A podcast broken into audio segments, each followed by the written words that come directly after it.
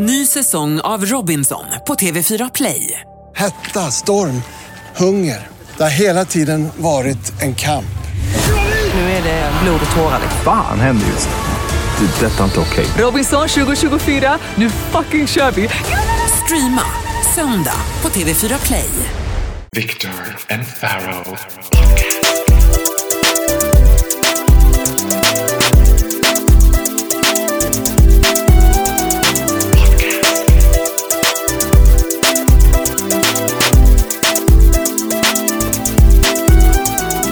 Viktor och Faraos podcast. Välkommen till Viktor och Faros podcast. Avsnitt nummer åtta. Hello Africa, tell me how you're doing.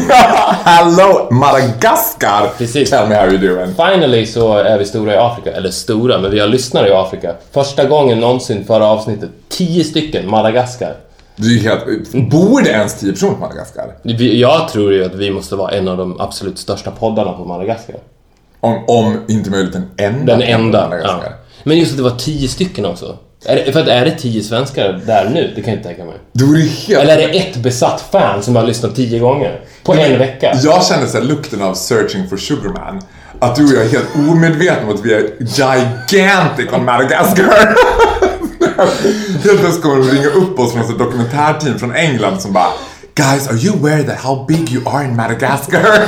Searching for sugar daddy. Searching for sugar. Who's your sugar daddy? det hade varit underbart folk som heter Madagaskar. Ja, det har varit helt fantastiskt. Eh, nej, men som sagt, kul att det kommer, tillkommer fler och fler lyssnare. Det uppskattar vi som fan. Speaking of Madagaskar, där, där har vi eh, en grej som jag har tänkt på i veckan vad det gäller White people talk black, som man måste göra om vi ska till Madagaskar. Ja, just det. Är lika äckligt som straight people talk gay. Ja, Du fattar vad jag menar? jag förstår precis vad du menar. Jag gör ju det ibland. När jag, o- omedvetet när jag träffar dig så, så blir, ja men det har vi pratat om förut, att jag blir lite bögare. Och det, det, det, det har ju att göra med en undertryckt homofobi, det är jag helt säker på. Att man, Från din sida? Nej, från, all, från alla straight people talk gay att de blir lite obekväma för de säger okej, nu är jag med en homosexuell, hur ska man göra nu då? Eh, Och, och för att eh, komma över den oron så börjar man, ja ah, men jag kan vara som han istället. Hello, how are you? Men det värsta är att de är ju som de tror att vi är. Och En karikatyr ja. En karikatyr. Och jag tänker, för mig tänker jag snarare att det handlar om att så här, den största fördomen mot bögar om man klumpar ihop det som någon homogen massa är ju att eh, vi är lite mer fabulous, vi har lite mer roligt, vi är lite mer all over the place liksom. Och då ska straight, och framförallt när killar gör det bara Wow, hello girlfriend! Jag bara, men no one talks like that. Det finns ingen bög, ingen av mina bögkompisar skulle bara Hello girlfriend! Eller ännu värre när de kallar den för hon. Hur mår hon idag? Och jag bara, nej men I'm not a woman, I'm a man. Nej, precis. Det är precis tvärtom. Det, så det har vi också pratat om förut att det, det är ju det du inte gillar, kvinnor. Det, och även fast du dragar har ju det ingenting med saken att göra. Du vill ju inte vara en hon. Det sista du skulle vilja vara är väl en hon? Ja, I wanna be a beast. You are Jag här! får ju så här, jag får ju ganska ofta frågan så här, men får du mycket fördomar, möter mycket fördomar om att du är bög? Men idag är ju liksom the easiest thing to be is being gay, i Sverige i alla fall. Men de flesta fördomar möter ju bara positiva fördomar om folk som tror så här, ja men gud, han älskar att shoppa och han älskar ditt och datt. Det kommer i och för sig mest från tjejer. Men jag, lä- jag läste en ganska rolig grej till exempel. Var, eh, I Vardagspuls, det programmet som jag var med, så hade vi gladiatorerna med i fredags. Och Peter Blaha som är eh, Pansar, en av de populäraste gladiatorerna. Han hade bloggat efter han, hade, han var med i programmet, så hade han bloggat efteråt och skrev han så här.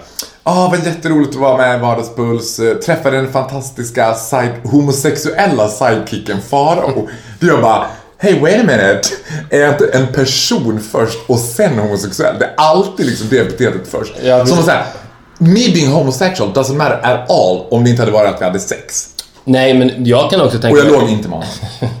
att det, men på ett sätt när du ställer med den typen av existentiella frågor till dig själv, vem är jag?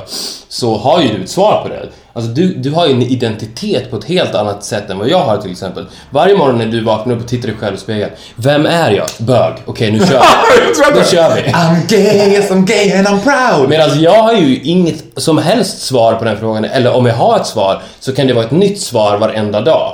Men du har alltid en stabil utgångspunkt och det kan ju också vara därför homosexuella känns mycket lyckligare än straighta. För att de utgår alltid från På gott och ont då. Men jag, enligt- jag försöker ju få det här till något positivt. Att de är bögar. Ja, men well done. Ja, jag kan förstå det på ett sätt, men jag tänker att det där går att applicera i alla sammanhang. Det är precis också, jag kan också se så här bland mina gayvänner, om det kommer in en straight person, eller om man är i ett sammanhang, om jag är liksom en gaykompis, där vi båda två inte är särskilt bögar. Det är inte som att du sitter och bara Did you do a pedicure today? Oh my god. Vet, så här. Och så kommer ett grabbgäng. Så grabbar ju vi till oss omedvetet, Du- eller medvetet, fast så subtilt, så börjar vi liksom sitta på ett annat sätt. Och, och jag, tänk, jag tänker att det är precis samma känsla som när man går hem från tunnelbanan på natten och det går en tjej typ 10 meter framför en och jag märker att hon börjar gå fortare. Att jag springer ifatt och bara I'm super gay, wouldn't even touch you for money! jag hatar den känslan. Och då tänker jag att de här killarna måste ju hata att så här, på samma sätt som svarta måste hata när så här vita ska bara Ja. Yo bro! Men så, jag blir, jag blir precis, jag, som jag säger också, att men det, det har ju med osäkerhet att göra. För jag blir ju så runt svarta. Och, Ja. jag, och jag blir så där runt bögar. Tänk, om, om vi åker till Madagaskar och träffar på en svart bög, då skulle du se mig acting weird. Acting like a black gay guy, det hade varit fantastiskt. Mm, Queen Latifah!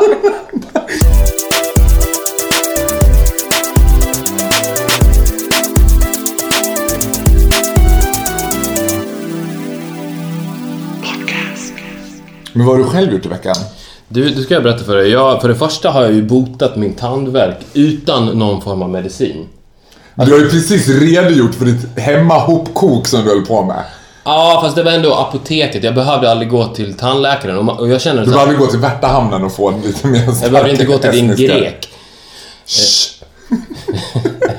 Men man blir lite stolt över sitt eget immunförsvar när kroppen tar hand om det själv. Så här, eh, My body beat this beast which your body didn't. så, eh, ja men det har jag gjort, eh, helat min tand. Och sen så var jag, var även på konsert med min pappa för han fyllde år. Vi var på Sting och Paul Simon i Globen. Och såg även att... Spelar de ihop, Sting och Simon? ja. Oj. Eh, De var en duo, Victor och Faro, du vet ju. Det är ju winning concept. Winning concept is new black. Och eh, de är också jävligt stora på Madagaskar. Vi skulle kanske kunna turnera ihop med dem. Eh, hur som helst. Eh, jag såg också att Nicki Minaj spelade på Globen när jag var på Globen. Och eh, inte samtidigt. Men då kom jag att tänka på det. För då tänkte jag, min första tanke var så här. Fan vad sjukt att Nicki Minaj spelar på Globen. Är hon så stor? Hur fan kan hon sälja ut Globen? Men sen när jag började reflektera lite över det där. Så alltså det är 13 000 pers. Ja. Det är så jävla lite folk. Alltså Borlänge när-TV har typ 13 000 pers som tittar på det. Men när det kommer till just konsert, gig med musiker, artister, band. Så övervärderar man det där hur mycket folk som kommer. Alltså Håkan Hellström till exempel. Ja. Spelade på Ullevi för 70 000 pers. Det blev en film, det blev en bok, det blev tillskrivet en legendarisk kväll. Inte bara i musikhistorien, utan i Sveriges historia. Gud. 70 000 pers, alltså det kanske var 150 000 pers som såg Reine och Mimmi i fjällen. En svensk eh, vi, eller, vad heter det, filmhistoria, Mimmi Fjäll. Ja, den kanske den största kalkonen någonsin. Och, och Håkan Hellström, han måste ju ändå ha sålt över en miljon skivor i alla fall, mer säkert i Sverige. Så det är alltså, han har alltså ett hit ratio på mindre än 10% av de som går och tittar på honom. Han, om han hade spelat 26 kvällar på Globen, eller på eh, Ullevi. fine. Men 70 000 pers är så jävla, jävla lite människor. Jämför med allt, alltså hur många lyssnare har Energy? Eh, runt 500-600 000. 500 000 Och det är ju, och även fast det, liksom, det är en så jävla mycket större upplevelse också. Även bio till exempel. Folk som går på bio, allt folk gör. Alltså det, det är jättelite folk. Men tycker du personligen för din del att upplevelsen skulle increases om det var liksom tio gånger så mycket folk där? För jag tänker tvärtom att för ens egna egoistiska del så är det väl så här, vill man väl inte ska vara asmycket Det folk. är klart att det är svårt att genomföra en konsert för 800 000 personer. Men med det... Det går ju Syrianskt bröllop med 800 000 gäster. Eh, ja, men de har tillgång till andra arenor säkert. Men, men, men med det sagt så borde de ju, han borde ju kunna spela 20 kvällar på raken. Det var det jag menade. Ja. Varför gör han inte det i så fall? Men för att, han gör ju det för att han inte kan sälja ut det. Men ryktet om att det är så helt fantastiskt att locka 70 000 människor. Det är inte så svårt att locka 70 000 människor. Nej, och dessutom tänker jag så här, när man spelar... Redan i marknadsföringen om Håkan Hellström så använder man ju så här att det ska vara på Ullevi, att det ska bli... Så folk köper ju biljetter i rena förskräckelsen i tron om att det kommer bli en svensk historisk händelse. Oavsett om du gillar Håkan eller inte. Jag var ju på Ullevi och såg Bruce Springsteen med 65 000. Alltså du vet, Bruce motherfucking Springsteen, jag visste inte ens om det var. Amerikanska Thomas Ledin typ. Alltså det är så jävla konstigt. Aldrig förut. Alltså man ska veta vad, man skulle ta de där 65 000 personer som var där och så skulle man lekt Hitta bögen! Här bland 65 000 har vi en homosexuell man. Det inte. Men det finns ju ingen mer straight musik i världshistorien än Bruce Springsteen. Det vet du väl? Alltså det, det är ju bara vita 40 plus män som gillar Springsteen. Ja, men, ja, och dessutom så är det romantiserande att Springsteen är nästan lika äckligt som vita heterosexuella medelålders män som älskar Kent. Som ska alltså uppleva sin... Ja, eller Ulf Lundell. Ja, men Ulf, ja, i och för sig Ulf Lundell. bättre pallar. Ja, men Ulf Lundell nästan... Oh, oh, oh. Ja, men jag håller med. Men, men jag är exakt likadan. Man, and I hate to tell you this, because this might come as a shock to you. Vet du vem, vilken svensk artist som fyller Globen mer? En ganska återkommande i den här podcasten. Som har fyllt Globen two Nej. times. Erik Sade. Är det sant? Ja, Det men, det, men det är inte sjukt. Det är det som är grejen. Nej, det är inte sjukt. sjukt. Vi, vi, det är, precis, det är så, man är så hjärntvättad av det där. För jag, nu också, även fast vi Ja. precis har pratat om det, så var jag så här. VA? Det är inte sjukt. Erik sa det, han är för fan med i Melodifestivalen. Tre miljoner tittare. Det är väl klart att det kan komma 13 000 personer och titta på honom. Speciellt när han läser upp sina fantastiska låttitlar. Killed by a cop. Men jag kan också tänka så här, som en twist på det. Om 30 000 är inte så mycket. Men då måste jag ha en så här gräns på hur många biljetter de vill sälja för att, för att konserten ska genomföras. Säg att åtminstone kanske 10% av biljetterna, ja, mer, kanske mer än 10% är bara spons, folk som går dit bara, de vet inte riktigt vilken artist det är, men de är ändå där. Men undrar om någon artist har kommit ut på scenen och känt så här: oj, här var det glest mellan raderna. Som att, för de kan ju flytta, på Globen till exempel, så flyttar de ju scenen längre och längre fram beroende på liksom hur fullt De flyttar ju även ner i venue, alltså att de flyttar från Globen till Hovet. Och så vidare och så vidare. Ja, men de börjar ju inte sälja in Globen. Sen funkar inte det så flyttar de till Hovet. Alltså, Jo, det gör de. jo, men då har de ju halvfyllt Globen Ja. en gång. Det är inte som att de skulle börja på Globen. Nej, vadå halva gigget? Nu kommer Hovet! Vi flyttar över den här konserten till Hovet för att få en mer intim känsla till nästa akt. Jo, men då tänker jag så här, som artist måste det också vara, så måste man tänka exakt så. Att det blir så ett sånt konkret mätverktyg. Jag fyllde Globen för fyra år sedan. Madonna liksom, som kommer tillbaka till Sverige nu, hon kommer ju typ att spela på Berns kanske på sin höjd. Var ska hon spela? Hon ska spela på Globen va? Ja, det, Jag tror hon det är sagt på, så. Det är Ja, sagt men jag tror att hon ska spela på Ullevi. Sant? Ja. Och jag var ju såg Madonna senaste gången Ullevi. It wasn't a funny story alltså. Det var en tjej som kände så här, ja nu har det, det här var my last En, station enough is enough Madonna. Men enough is enough. Samtidigt så kan I don't blame her. Jag tänker så här, om det där är det enda man har gjort och det enda man kan. Det måste vara så sjukt stressande när man känner att tiden kommer ikapp en. Att bara, nu, nu fyller jag inte ens eh, liksom Berns längre. Ja, men jag, jag delar din uppfattning det, 100%. det, var, det var Globen det. False. Or true. False or true Pharaoh, avsnitt nummer åtta. Remixen förra veckan, Yes or No Pharaoh, blev ju en jättesuccé. Men, nu återgår vi till originalformatet den här veckan. Sen så kanske remixen kommer återvända senare, det vet vi inte.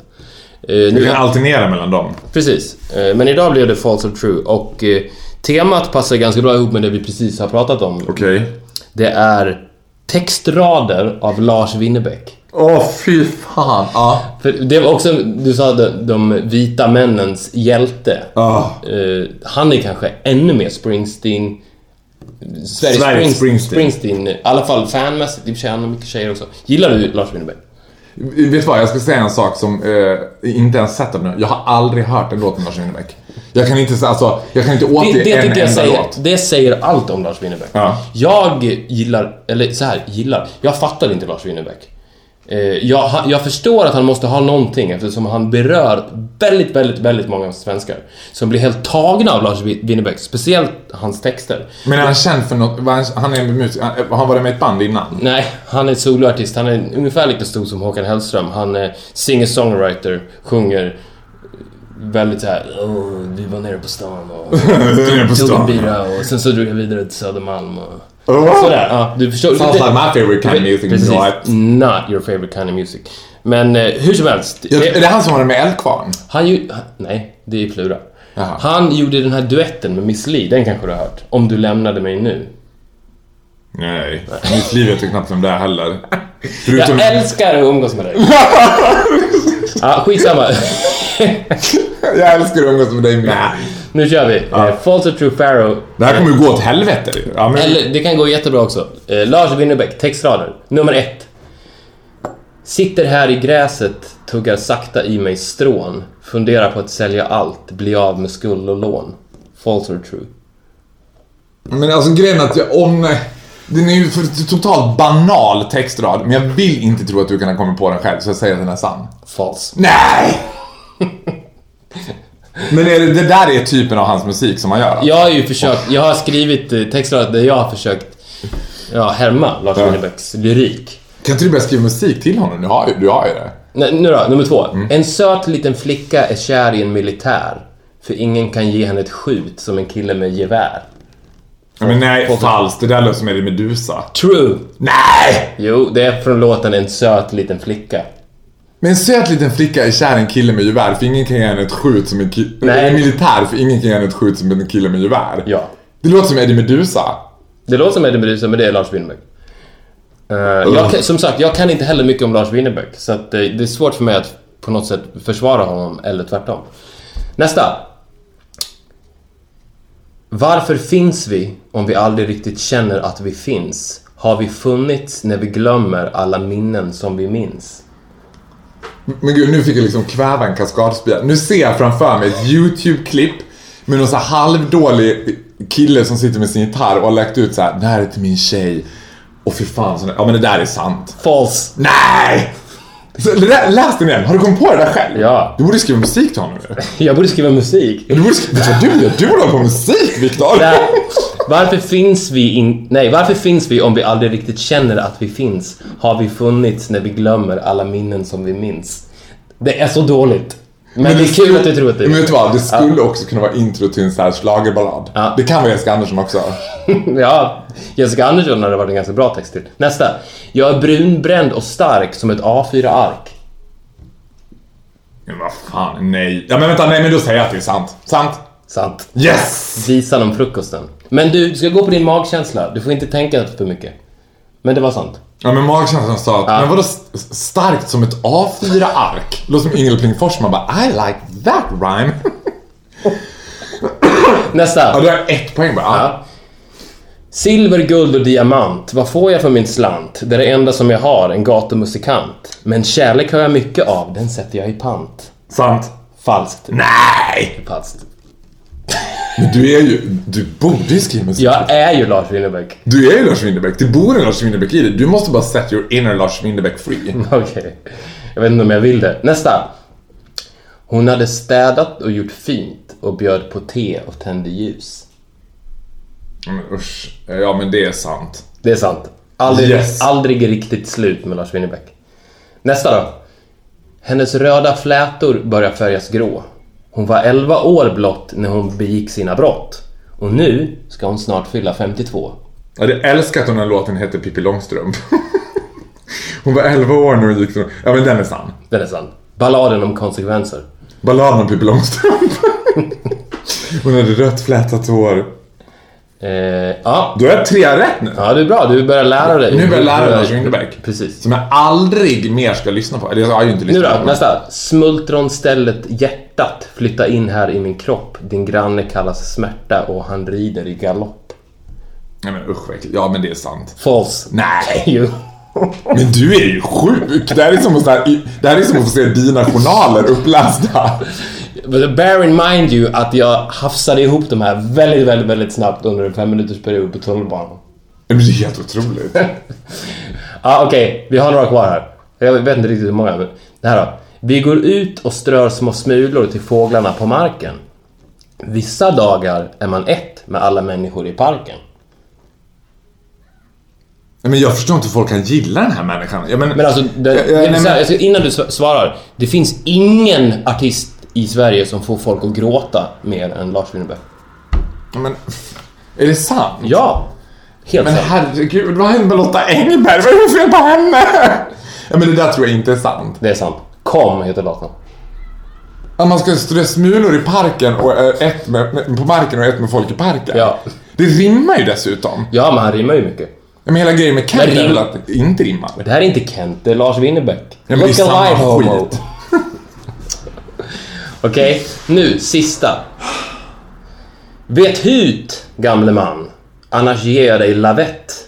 Gå genast in till köket och byt ut min huvudrätt. För precis som i livet blir jag inte mätt så lätt. Ja men gud vad svårt. Jag går på min magkänsla och det säger att det där är inte sant. Det är inte sant. Yes! Du avslutade med ett rätt. Bam! Det var alltså False or True Pharaoh, avsnitt nummer åtta. Det var en shocking experience. Ja, du, känner du rent spontant nu direkt efteråt Fan, jag kanske skulle köpa en Winnerbäck-platta. Jag kommer med största sannolikhet köpa en samlarbox och lyssna igenom det gråtandes i duschen. Jag ska sitta ner i duschen och lyssna på honom. Nej, aldrig i livet. Jag har ju försökt, alltså grejen är att jag har ju dejtat jävligt mycket killar som gillar Kent. Jag har ju en fabläs för den där Men, typen men, Kent är inte Lars Winnerbäck. Det måste Men det vara- måste vara samma sak. Det är inte samma sak, det är två helt olika saker. Ja, men, det, ja, men de skriver ju samma musik, typ. Mm. Come on! Det är på svenska det är lite... Nej, nej jag skulle inte säga att det är samma musik. Ja men för mig, för ett liksom rikshomo som inte fattar så är det typ samma sak. Och de här killarna har ju alltså, i regel snedlugg, insjunken bröstkorg, ingen förstår dåligt förmår, asymmetrisk piercing, konstiga tatueringar.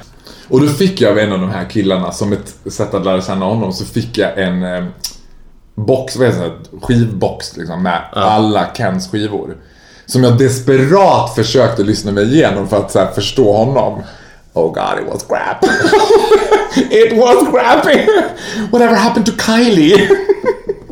Och det, det var Fan vad kul om han hade gett dig dock en CD-box med Kylie Minogue. Ja, det, Lyssna igenom det här, det är verkligen jag. Ja, men lyssna, men gud Victor, careful with your words nu för du, det här är så fruktansvärt. Sen skulle jag ju kontra med någonting såhär. Vet, man ska såhär, när han hade skickat, det var någon låt, nu kommer jag inte ihåg vad den låtarna hette, men det var i min värld typ samma musik som Lars Winnerbäck. Samma, samma sensomoral var det i alla fall. Svåra killar som är kära i unga tjejer, jag sjunger så här. Och då skulle jag bara, men nu måste jag hitta en låt. Och först var jag inne på Celine Dion och tänkte, men det går inte, det är för kommersiellt. Då tror jag Kylie Minogue, I believe in you, I believe man kan säga att det tog slut med den killen. Var, jag skickade verkligen en låt till honom, sen hörde inte han av sig. This guy is a retard. This guy is a retard. Kylie Minogue kunde inte stå upp mot Kent alltså.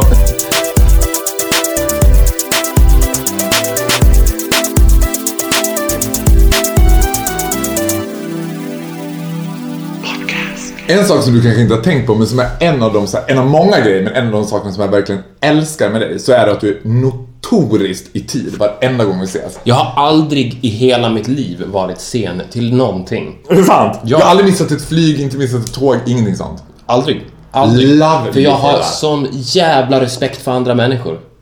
Ja, men det... ja, precis. Det är ju ganska genomgående personlighetsdrag hos dig, den här enorma respekten för andra människor. Nej men så här, nej men tack så jättemycket och jag uppskattar verkligen att du uppskattar det för att det finns ingenting på hela jordklotet som jag hatar mer än sena människor. Och jag tror att det har ju mycket att göra med att jag alltid är i tid och att nästan alla människor är sena. Eller väldigt många i alla fall. Och det betyder att jag får stå och vänta på dem. Och den tiden det tar, säg att eh, det snittar med att jag får vänta en kvart. Vi, vi ska synas halv två, kvart i två kommer de. Den kvarten för mig är en complete waste of my life. Alltså, det är en kvart jag aldrig får tillbaks.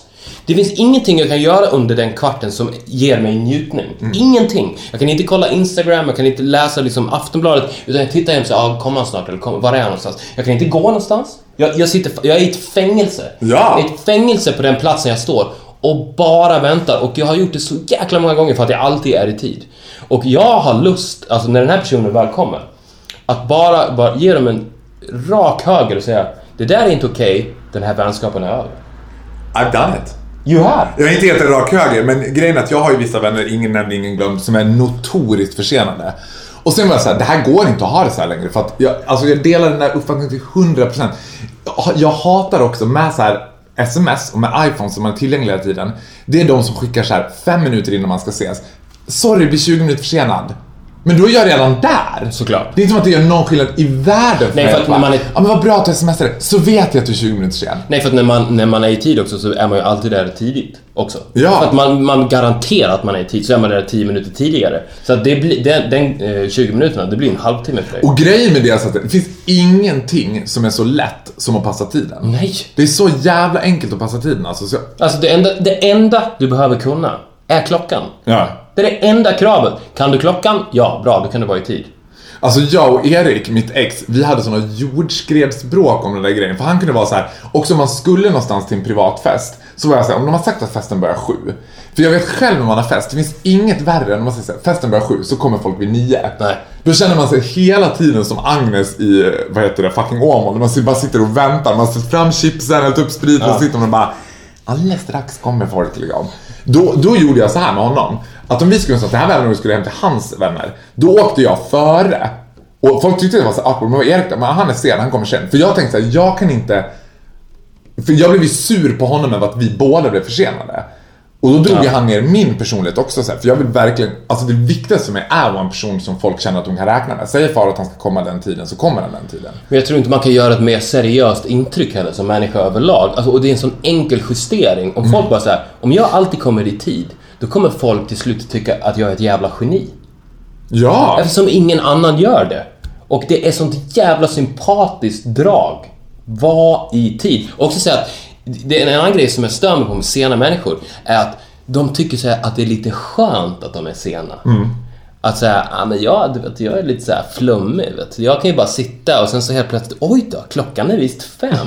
Det är inte skönt, det är dumt. You're not, you are not that smart. Learn the clock and get the hell out of there and be on time. Ja, men, och, för att, och, hands down, I'm 110% on your side. Jag älskar att du kommer i tid. Det ex- underlättar ju relationer också. Som, det är i princip omöjligt att ha en relation med någon som alltid är... För jag har också försökt så här, ge igen med samma mynt. Men det går ju inte, för man själv 20 minuter försenad, ja då är de 40 minuter försenade. så att de är alltid så, det är som att de känner på sig, jag tror att Farao kommer komma för sent den här gången också. Ja, ja, precis. Och de tänker så här, eller så här borde man, så här, så här borde man ju själv göra. Att när de smsar fem minuter innan de skriver så här, jag kommer bli 10 minuter, 20 minuter försenad. Så ska man bara svara, okej. Och sen så, precis innan man vet att de kommer, Ja. så drar man. Och sen så låter man dem vänta i 20 minuter, straffar dem med samma mynt. De får vänta nya 20 minuter. Och sen, efter de 20 minuterna är klart, så, så hör man av sig till dem igen och bara skriver Hej, du har precis blivit straffad av mig för att du är en så dålig människa. FYI, friendship over. Men jag ska, vi måste bara berätta för att det så, ligger så roligt till. Igår blev jag Le Grande stood up, exakt med den grejen. Då skulle jag på en parmiddag och vad heter det, tillsammans med några kompisar. Hade bjudit med en dejt på den parmiddagen. Han hör av sig en timme innan vi ska ses här. Alltså han ska komma hem till mig så ska vi åka dit tillsammans. Då hör han av sig säger, ja men eh, vi har sovit en stund, eh, ska jag i ordning nu, vart bor? Jag kommer över. Ja men så säger jag min adress bla bla. Ja och så börjar tiden gå. Sen är det typ så fem minuter innan han ska vara här så börjar jag säga, men gud han har inte hört av sig på en timme. Så jag börjar höra av mig så men du, vart är någonstans, är du på väg? Inget svar. Då är klockan typ tio i åtta. Halv tre på morgonen får jag ett svar av honom. Sorry, skäms så himla mycket, jag råkar somna. Det är, samma, alltså, det är ju knappast att man somnar klockan åtta, vaknar halv tre och bara Oj, sorry. Liksom. Får jag fråga en sak? Var den här personen 85 år gammal? Nej! Nej! Alltså om man var 85 år gammal, fine. Eller hade så här grav narkolepsi. Att man bara... Nej, jag somnade igen. Det var helt fruktansvärt. Och, och, och det värsta av allt är att det, liksom, det moderna sättet att se på tid Mm. med iPhone som att man är konstant i kontakt med varandra gör att folk tycker att det är mycket mer okej idag att komma sent än vad det var på sladdtelefonernas tid. Såklart. Alltså då bestämde man så här, vi ses på onsdag den och den tiden. Då var man tvungen att vara där, för det gick inte att så här, ringa upp någon på någons hemnummer och bara Kan du hälsa Viktor att jag är... Nej men då, nej, precis, då om man var sen då så, så blev man ju ganska fort, eh, nej, så föll man ju ganska fort på samhällsstegen. Ja. Här, okej, han har aldrig tid, han kommer vi aldrig träffa igen. Men jag tänker också beträffande den här killen igår, jag tror knappast att han somnade. Jag tror bara att han tänkte så här, jag, en dålig ursäkt alltså. En dålig... Ja, fast jag är fascinerad av att han ens hörde av sig överhuvudtaget. Det hade varit mer troligt att inte höra av sig alls. Ja. Det blev så lite konstigt att höra av sig halv tre och bara Gud förlåt. Som att jag skulle bara, men det är lugnt. Shit happens. Shit happens.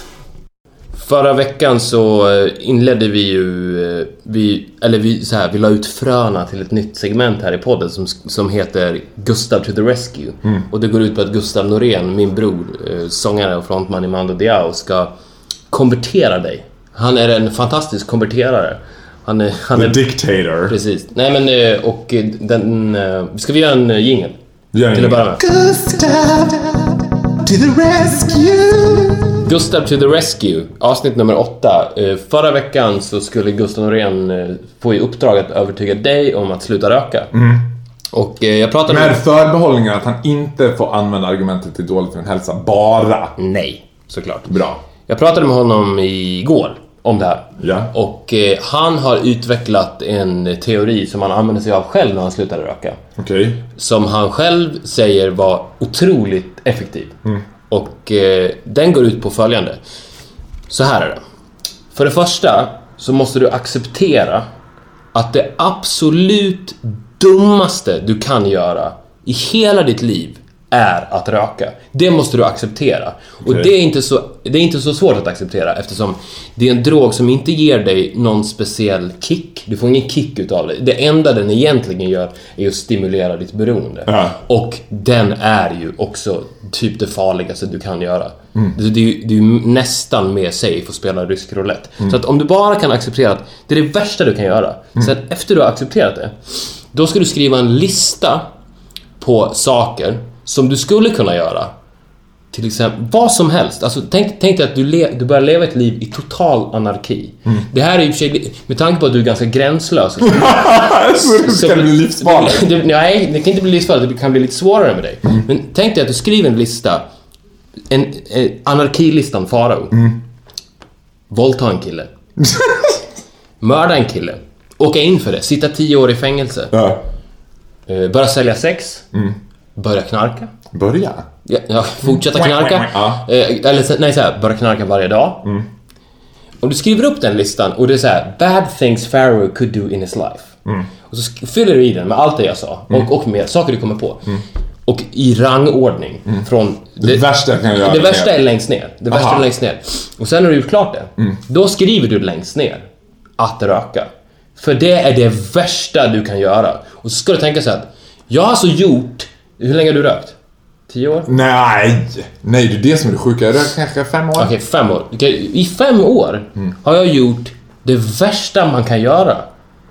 Om jag börjar göra grejerna som, är, Som ligger som, är, above. Mm. som ligger above det värsta man kan göra och slutar med det värsta. Betyder det att jag lever då ett lite bättre liv? Och det är det som är teorin. Att börja, du får göra vad du vill så länge du inte röker. Och det blir det som blir ditt nikotinplåster. Så här, jag vill ha en cigg. Jag får inte röka, men vi går till listan. Vad ska jag göra? Kill a guy.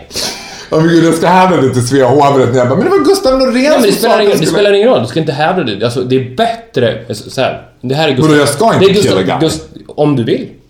Men det här, alltså så här, det är bättre att sitta i fängelse som rökfri än att vara utanför som rökare. Okej. Och, och det är det som du måste lära dig att acceptera. Och om du börjar leva efter den listan. Vad, vad, vill, vad, vad för sjuka grejer vill du göra som du inte har gjort? Som du känner så här, nej men det där är lite väl. Men jag tycker de grejerna du räknar upp, jag tror kill a guy tycker jag verkar lite värt. Alltså allting är legal, jag är inte jättetjust av att göra olagliga grejer. Nej. Så det skulle vi kunna göra en lista lång av olagligheter. Ja. Eh, Men ska du försöka det? Eller det, det är i alla fall hans teori. Jag pratade med honom ganska länge och man har ju mycket åsikter om rökning och... Men det var i alla fall liksom the bulk av vad han sa. Det är teorin. Sluta röka med Gustav Norén. Ja men okej, jag kan ge det, vet du vad? Ah, Jag tar mig an utmaningen, jag ger det en fair chans. Ja, så om, om ni lyssnare också röker och vill, vill testa på Gustav Noréns teori. Så det ni ska göra är alltså 1. Acceptera det faktum att rökning är det värsta ni kan göra. 2. Skriv en lång lista på de värsta saker ni, ni kan tänka er att ni skulle kunna göra. Komplettera listan med att skriva rökning längst ner och sen utgår ni från regeln att ni får göra allt på listan så länge ni inte gör det som står längst ner. Man blir ju sjukt nyfiken på Gustavs lista. Jag skulle vilja se vad han listade som så här, det absolut värsta han skulle kunna göra. Men hur gjorde du? Du bara slutade från out of nowhere. Eh, ja... Var det som att du fick en epiphany liksom? Bara, Nej, nej, jag vet inte. Alltså för mig, nu, nu är inte det här Sluta Röka-podden så det kanske är lite ointressant. Men för mig var det, alltså, jag hade förs- Jag tror att man måste komma in i ett mentalt state of mind där man känner så här. Jag kommer aldrig mer ta en cigg. För att jag hade försökt kanske 15 gånger innan jag lyckades. Och då visste jag hela tiden in the back of my mind att det jag håller på med, med nu är egentligen bara en nedräkning till nästa gång jag kommer ta en cigg. Jag tänkte hela tiden så här: nu har jag inte rökt på, på tre dagar, på fyra dagar, på fem dagar. Det var ju egentligen en nedräkning till nästa cigg. Sista gången så slutade jag bara räkna. Det var så här: nej men jag är klar med det där. Jag ska inte röka något mer. Och, var liksom från, från och med sista blosset på sista ciggen en icke-rökare. Det var ingenting jag blev, utan det var någonting jag helt plötsligt var. Men det tror jag, det tror jag är ju en lite mindre... Oj, vad är det som händer här bakom din bokhylla? Shh. Jolanta, shh. Det är kul. Det är väldigt lyhört här inne. Nu tror Viktor att jag håller på att inreda ett källarrum här. Måns Zelmerlöw style. Nej, vi ska vila honom. Förlåt. Vila Måns, förlåt Ja. Måns. Det, kan, vara- det är Måns som sitter bakom boken när jag byggt den. En gips, en sån här frigolitstol från honom. Ja, men Gustav for the Rescue. Gustav for the Rescue. Eh, Ska vi ge Gustav ett till uppdrag till nästa vecka? Ja. Ja. Och vad skulle det kunna vara? Ja. men om Gustav kan få mig att börja dansa lindy hop, eller få mig att tycka att det är kul med lindy hop. Vad exakt är Lindy Hop? Ja, men jag vet inte riktigt, jag vet bara att det är väldigt trendigt. Det är typ så här 60-tals rockabilly-dans som folk gör i grupp och det är så här. I Stockholm åtminstone så har det skapats olika liksom communities runt lindy hop. Och du, eh, om jag känner dig rätt, spyr lite på det här. Ja, men jag är inte särskilt sugen på lindy hop. Nej.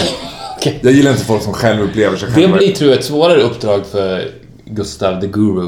Ja, men man måste ju Gustav- raise the bar Ja, det är klart. för honom för att bevisa att han är the dictator. Okej. Ja, men det blir ju spännande. Nästa fram... vecka ska han få mig att vilja börja dansa lindy hop. Och sen så följ... kommer vi då följa din eh, Lindy Hop-karriär Ja. på Instagram sen. Kul!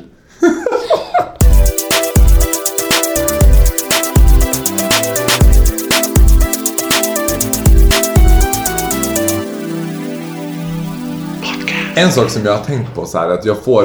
Eh, det går lite i linje med det du pratade om tidigare idag om eh, vad heter det, straight people talk gay.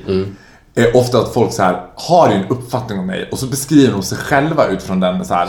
De som- identifierar sig med dig. Ja, Eller star- sig i, i sin bild av mig, vad de tror att Din jag är. karaktär. Jag skulle till exempel aldrig definiera mig själv som crazy, eller an, ens använda uttrycket jag är en ganska galen kille. Men ungefär 9 av 10 fanmail som jag får så börjar folk säga jag är också en ganska galen tjej. Och jag tänker att alla som beskriver sig själva som någonting, typ exempelvis galen eller crazy, de är aldrig crazy. Mm. Nej. För Sture Bergvall skulle alla bara, jag är en ganska crazy kille som sitter på Säter. Alltså de är oftast helt omedvetna om att de är helt crazy. Och jag tänker också på det när man såhär, jag vad heter det, dejtar också ganska mycket. Och folk som dejtar, speciellt om man Om dejtar, folk, kan man säga det snabbt att om folk vill dejta Faro så får ni gärna mejla oss på viktorochfaro.gmail.com Bifogad bild och en liten beskrivning. Jag är en galen kille på 25 år. skriv ni en galen kille, you're halfway there. Ja. Love it. Eh, bara så ni vet. Han jag är en galen kille som vill ha Kent. He's out there man. I'm out there. Jag söker killar i åldrarna 17 till 22 eller en terapeut. Anything goes. Nej men det är samma sak där, när folk så här, alltså med nätdating så ska ju folk sälja in sig själva. Och jag tänker alltid när folk beskriver sig själva så här, jag är si eller jag är så, så är de aldrig så. Nej. Det är som att gå på en så här, ja, men om jag sitter med rekrytering till exempel på mitt jobb, så tänker jag varenda gång jag läser någons CV, Alltså CVn följer ungefär samma struktur jämt. Folk skriver så här, men jag är en väldigt ambitiös, eh, utåtriktad, social tjej. Så tänker jag så här, men du måste vara medveten om att du skriver det här så kommer du med största sannolikhet att träffa den personen som läser det. Skriv inte att du är social och outgoing om du inte är det. Nej. För om du skriver att du är crazy, då vill jag att någon ska komma bälteslagd i tvångströja. Annars kommer jag bara, you're not that crazy. och vad är crazy? Är det så här, gud, en gång dansade jag till Grease medlet och drog en tequila shot. liksom. Gud, I am so fucking crazy! I'm out there! Jag åker på kryssning en gång i månaden. I am so crazy.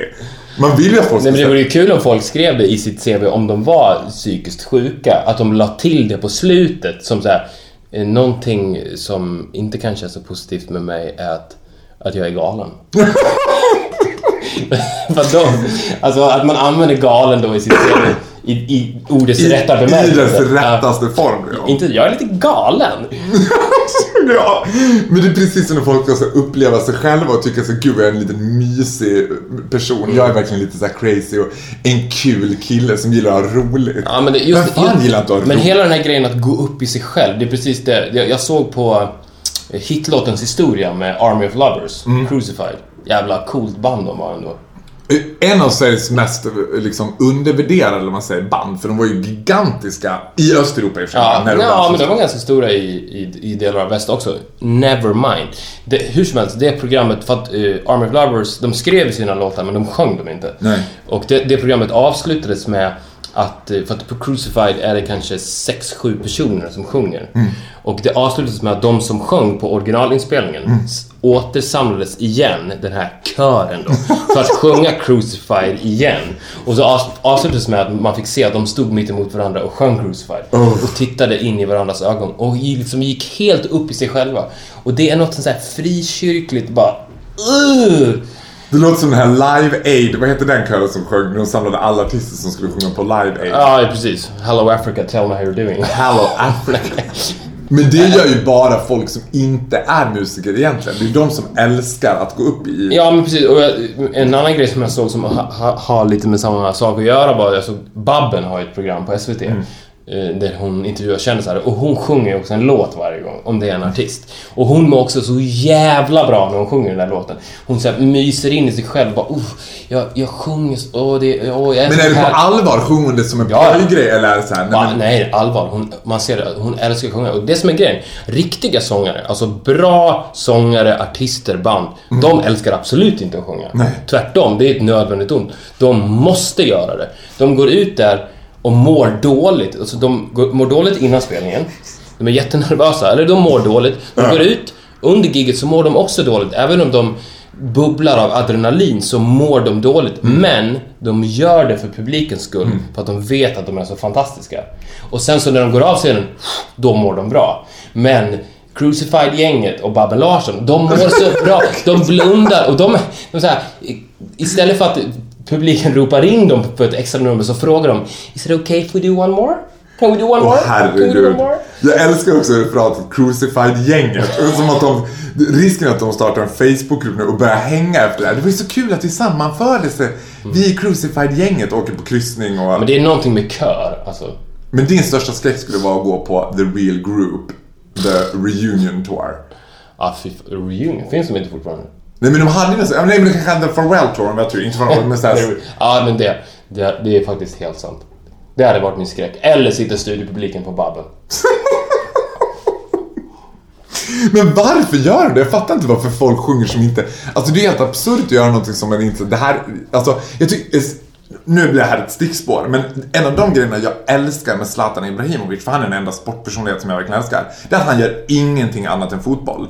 Han håller sig till det, han, han vet att han är bra på det. Du skulle aldrig se en intervju när han ska hitta på någon rolig plojgrej, eller... Fast det är inte riktigt sant längre ju. Nu gör han ju så jävla mycket. Han ska ju göra, han ska göra Förstör en kläd, klädlinje med Dressman. Han gör det med Vitamin Well-reklamen. Han gjorde den där nationalsången med Volvo. Men jag vill inte höra... I'm sorry to say, men Zlatan var ett luftslott. He's just like the rest of them. Babben, Babben och Zlatan. Måste du liksom, så fort jag blir lite glad då ska du säga The world, the ugly truth. no! Leave Zlatan alone! Ja men åtminstone så var han så i början. Du har rätt. Helst ja. Zlatan hamnade också där. Fan! Jag tyckte så jävla mycket om Zlatan för att han hade det där. Han höll sig till fotbollen. Men Dressman, det var fan det sjukaste jag hört. Ska han göra reklam för Dressman? Nej, han ska göra en, eh, Kampanj. en klädlinje med... Grattis Västerås! Nu kommer Zlatan till gallerian. Men det, kan, det, det återkopplar lite till det vi pratade om förra veckan, att rika människor är olyckliga och han är ju så jävla rik, men han är inte rikast. Han ligger, jag tror att han ligger sex eller någonting på de fotbollsspelare som tjänar mest pengar. Och jag är övertygad om att han vill bli etta. Och enda sättet då, alltså du kan ju tänka dig själv vilken deal han gjorde med Dressman. Eller, eller vilken deal han gjorde med Vitamin Well, eller vilken deal han gjorde med Volvo. Det här är, han kommer högre upp på listan där. Myten säger till och med att det var han som hörde av sig till Volvo. Att det var han Ja som det, ville det göra är ingen myt, så var det. Han bara ringde upp Volvo och bara ville göra reklam för dem. Ja, han ville göra reklam för dem. Han ville göra reklam för dem och sen så ringde han även upp Max Martin och producerade den här nya versionen av nationalsången. Men den som sitter på marketing på Volvo måste jag kissa på sig när telefonen ringde och bara det är Zlatan Ibrahimovic, han vill vara ansiktet på Volvo. Ja. De, måste, de kan ju inte bara, ja vi, vi får ta det här med oss och stöta och blöta lite och så får vi börja, och få återkomma till dig. Det måste vara det bästa som kan hända ett svenskt företag, att han är ansikte för dem.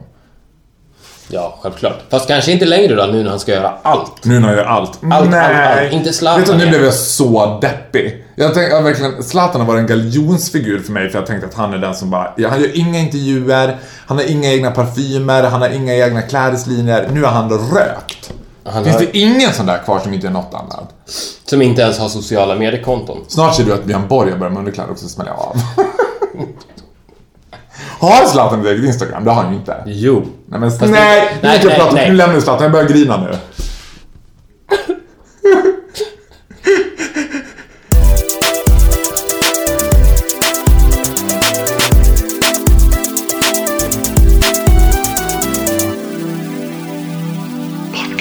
Eh, när vi sitter här och spelar in i ditt vardagsrum så eh, kan jag inte låta bli att kasta ett öga på din bokhylla. Den är ju helt otrolig.